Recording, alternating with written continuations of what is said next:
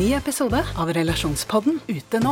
Datteren til en av lytterne våre har klippet av seg håret for å donere det bort, men nå blir hun mobbet for det. Hva kan mamma gjøre? Og hva gjør du når 14-åringen ikke vil ha den kjipe stebestefaren i konfirmasjonen sin? Ta hensyn til konfirmanten eller til mormor. Hør Relasjonspodden gratis der du hører podkast. En podkast fra Podplay.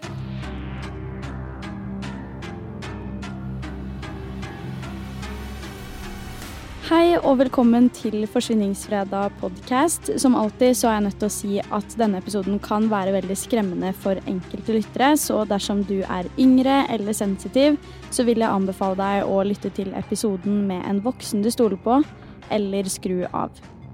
I denne ukens Forsyningsfredag-episode skal jeg ta for meg saken om John List, som oppriktig talt er en av de sykeste og virkelig mest kalkulerte sakene jeg har hørt om, samtidig som at den på veldig mange måter er veldig, veldig trist.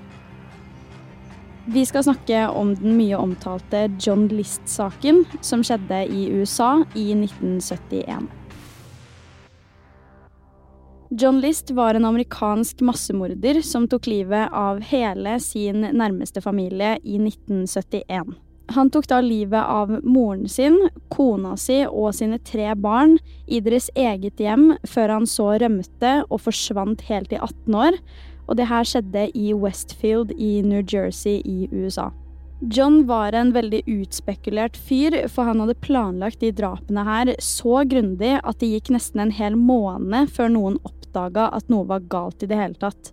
Dette er som sagt en av de sykeste historiene jeg har hørt om, og den saken her har vært så ufattelig rar å forstå seg på, kanskje egentlig mest fordi at bakgrunnen for drapene er så annerledes enn hva du forventer. La meg fortelle deg litt om John List. John ble født 17.9.1925 i Bay City i Michigan og var halvt tysk og halvt amerikansk. Han var enebarn og kom fra en veldig luthersk kristen familie, og i likhet med faren sin så jobba han på et tidspunkt som lærer på en søndagsskole. Moren var en veldig snill og stille dame som ikke gjorde sånn veldig mye ut av seg, og hun adlød i bunn og grunn det ektemannen sin sa og gjorde, og holdt huset rent og ryddig hver dag. John var en av de flinke folka både på skolen og ellers. Han var et skolelys med gode karakterer, han var pliktoppfyllende og trivdes godt i morens selskap. John hadde venner også, men han traff de som oftest bare på skolen, ettersom han likte best å bare lese bøker og bli klokere og sånn på fritida, så han var for det meste hjemme etter skoletid. John hadde egentlig en veldig fin og vanlig oppvekst, og helt frem til videregående så handla livet hans egentlig bare om å være flink og følge regler. I 1943 ble John verva inn i den amerikanske hæren, og hadde da tjeneste som labtekniker under andre verdenskrig. John, som da var et utprega rutinemenneske, trivdes veldig veldig godt i militæret, og det kom egentlig som et ganske stort sjokk på alle rundt han, spesielt foreldrene, ettersom han ikke nødvendigvis hadde de fysiske fordelene. Han trente liksom ingenting på fritiden og sånt, han var jo bare glad i å lese, som sagt. Da John var ferdig med dette i 1946, begynte han på universitetet i Michigan i Ann Arbor, og tok da en bachelor i bedriftsøkonomi, og deretter en mastergrad i regnskap. Etter hvert ble han faktisk utnevnt som fenrik gjennom et eh, sånt militært treningsprogram for folk som da går på universiteter og høyskoler, og det programmet heter ROTC og står for Reserve Officers Training Corps. I 1944, bare 19 år gammel, så mister John faren sin, som da var hans største forbilde, så det her traff han veldig, veldig hardt. Moren blir da enke, og John føler et veldig stort ansvar for å passe på moren sin. I 1950 kom også Koreakrigen, og da ble John igjen innkalt til aktiv militærtjeneste. Da han fremdeles er i aktiv militærtjeneste, så blir han da også kjent med en kvinne som heter Helen. Og det er da ekskona til en avdød soldatkollega John hadde i hæren. Helen bodde ikke så veldig langt unna John, og hun hadde fra før av en datter som het Brenda. Som en konsekvens av utroskap hadde Helen blitt eh, smitta med syfilis av sin tidligere ektemann. Og naturligvis blir hun jo da fly forbanna og begynner faktisk å drikke alkohol på daglig basis for å kompensere for det her. Noe som ikke akkurat gjør saken noe særlig bedre, ettersom at hennes da eksmann etter hvert dør i krigen. Da John og Helen møttes, så hadde de det egentlig bare veldig gøy sammen, og det hadde jo da på det punktet her vært ganske essensiell informasjon å fortelle John at Helen hadde fått påvist syfilis.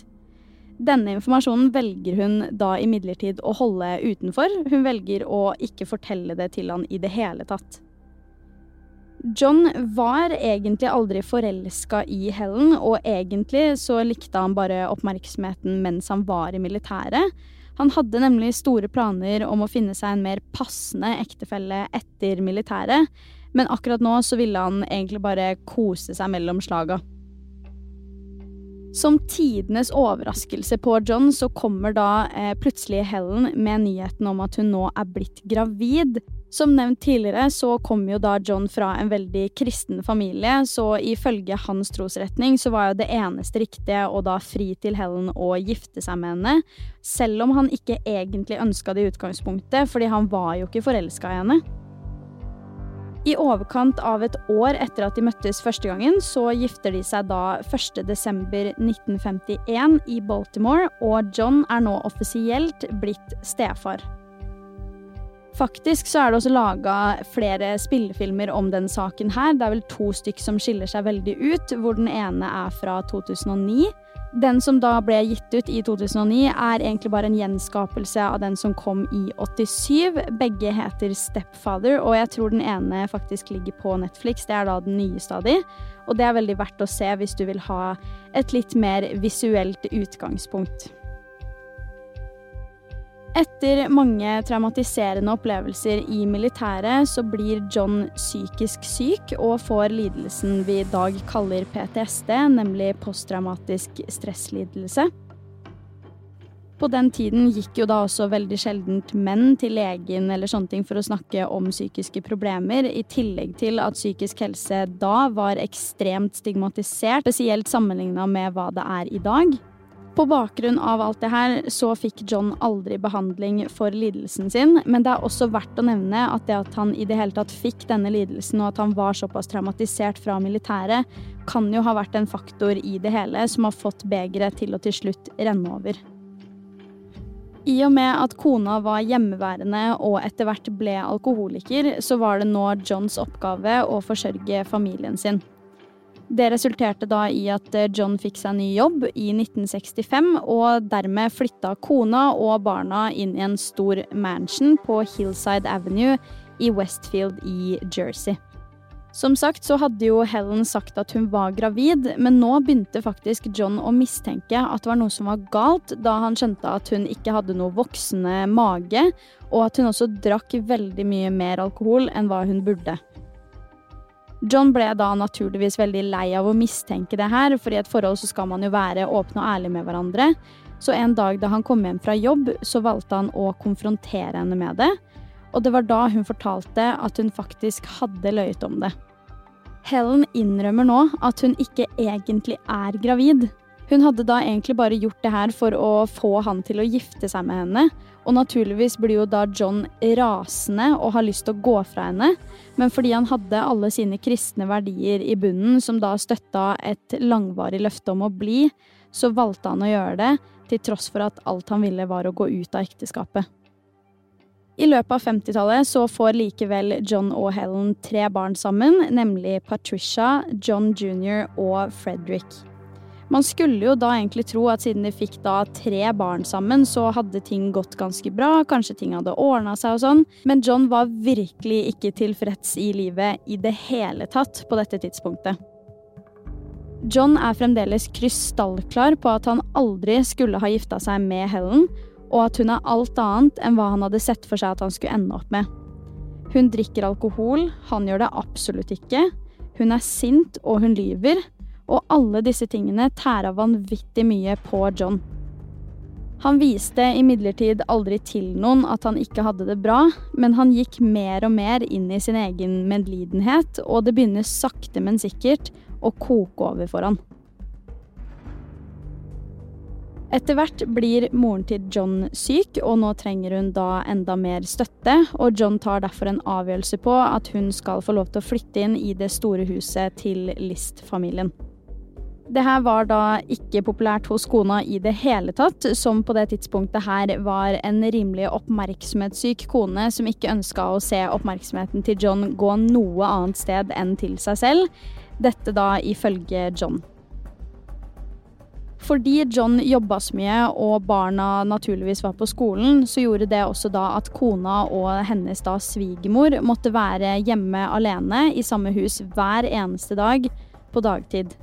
Forholdet mellom de to var heller ikke det beste, og John var veldig ofte den som måtte megle mellom dem og beholde roen i huset. Det her igjen var også en ting som gjorde at bitterheten John følte på, bare økte og økte mer. Gradvis blir også alkoholismen til Helen bare verre og verre, og som du skjønner, så gjorde det igjen også ting verre for John.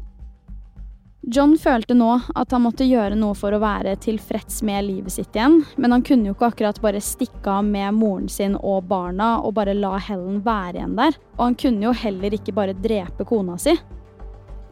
John begynner nå å legge en ufattelig utspekulert slagplan for hvordan det hele skal utføres. Det neste du skal få høre, er virkelig helt grusomt, så jeg vil minne deg på advarselen jeg ga deg i begynnelsen av episoden. Ta den på alvor.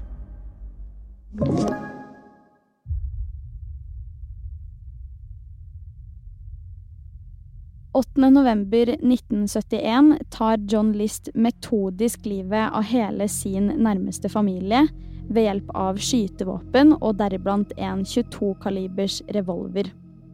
Da barna er på skolen, tar John da livet av kona si på da 46 år ved å skyte henne i bakhodet.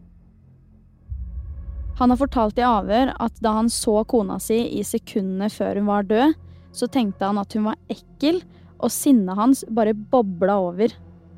Dette var riktig avgjørelse for han. Videre tar han livet av moren sin, på 82 år, og henne skyter han først én gang i brystet. Dette skuddet tar imidlertid ikke livet av henne, så han skyter hun enda en gang, rett over venstre øye. Likene legger han i hvert sitt soverom, sånn at barna ikke skal bli redde når de kommer hjem fra skolen. Så fort datteren Patricia på 16 og sønnen Frederick på 13 kommer hjem fra skolen, så skulle de egentlig bare lage noe mat på kjøkkenet. Og de reagerer nå på at faren var hjemme så tidlig fra jobb den dagen. Til barna forteller han at han tok seg fri fra jobben, selv om han i realiteten hadde fått sparken fra jobben flere måneder tidligere. Dette hadde han da holdt skjult fra familien sin for å opprettholde statusen han da hadde som en god farsfigur. John ender nå opp med å skyte begge barna sine i bakhodet og i ryggen. Han passer på å vaske opp blodet og gjemme likene i et rom uten vinduer. For John så virka dette her som en helt vanlig dag, og ikke noe som egentlig trigget han på noen måte i det hele tatt. Så han går da og lager seg en lunsj, før han deretter drar til banken som han tidligere jobba i, for å tømme alle kontoene familien disponerte, for så å stenge kontoene. Som sin neste handling drar John nå til skolen hvor den siste sønnen da på 15 gikk, eh, for å se han spille fotballkamp.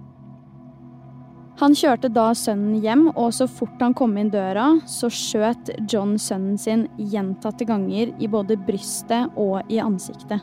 Fordi sønnen prøvde å stritte imot, så ble han skutt så mange ganger rett og slett for at John skulle være sikker på at han var død. John putter nå likene til familien sin i soveposer som han hadde lagt i ballsalen i huset, mens liket av moren lot han være igjen i leiligheten hun hadde på loftet.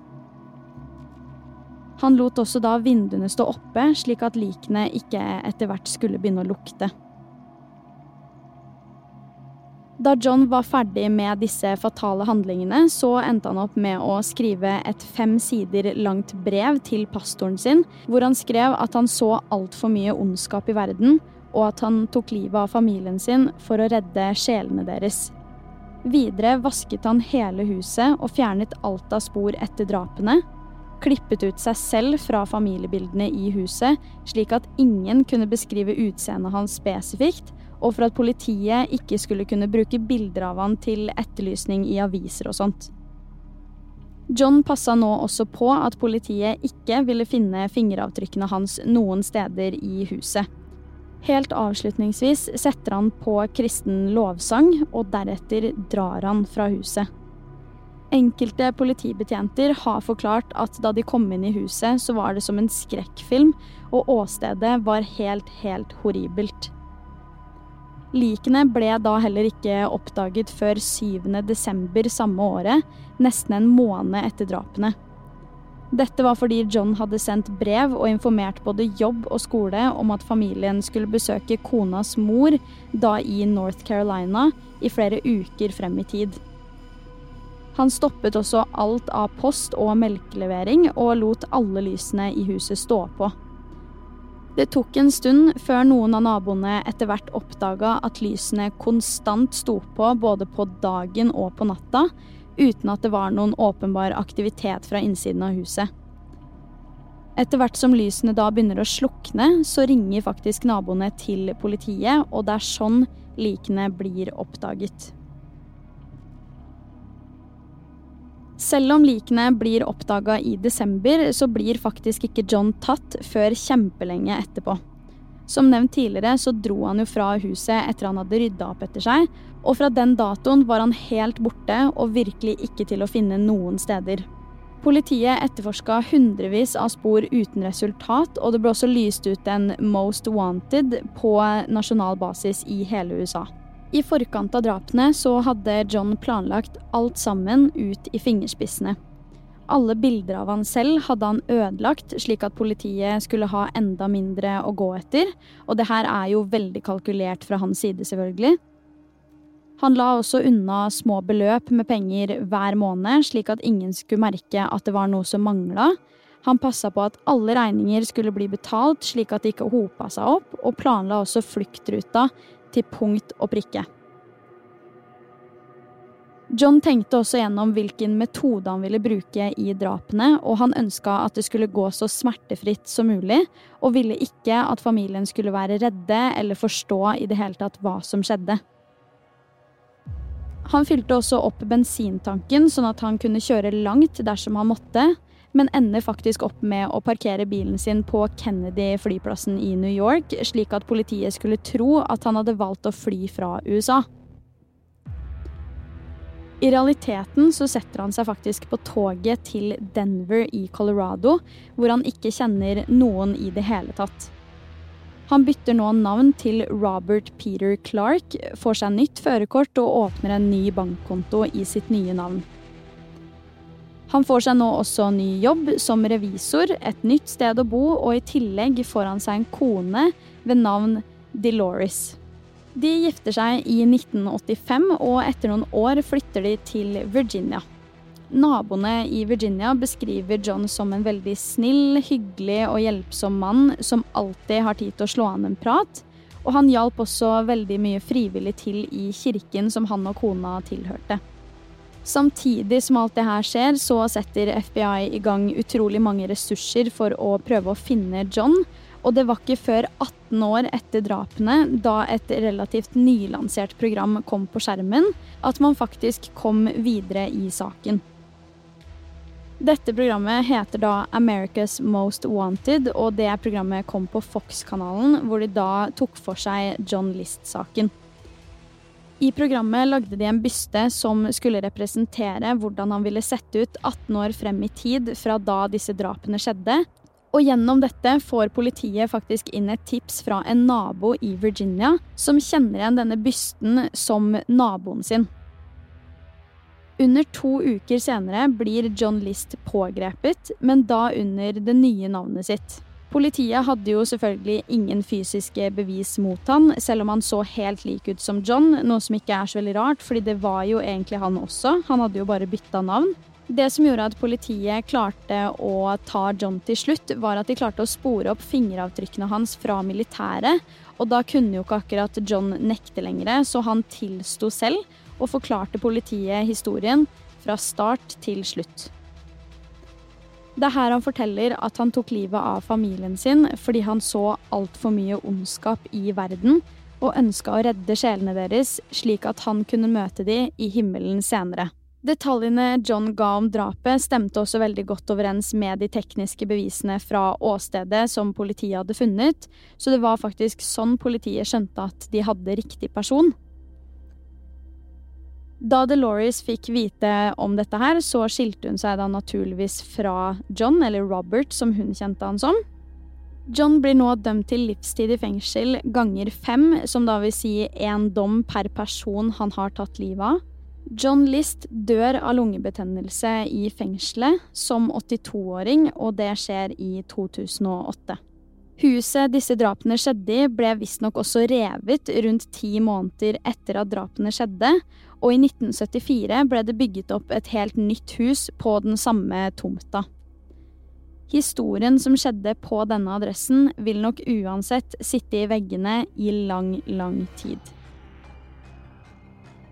Så hva tenker du om den saken her nå som du har hørt den? Som alltid så er jeg veldig interessert i å høre deres tanker og refleksjoner. Så om du har noen, så send det gjerne inn til meg på Instagram, der jeg heter Forsvinningsfredag. Du har hørt Forsvinningsfredag podkast med meg, Sara Høydahl. Og dersom du vil høre om flere true crime-saker, så kan du også følge meg på YouTube, der jeg heter Sara Høydahl. Uansett så kommer det en helt ny Forsvinningsfredag podkast-episode allerede neste uke. Og i mellomtiden, ta vare på deg selv.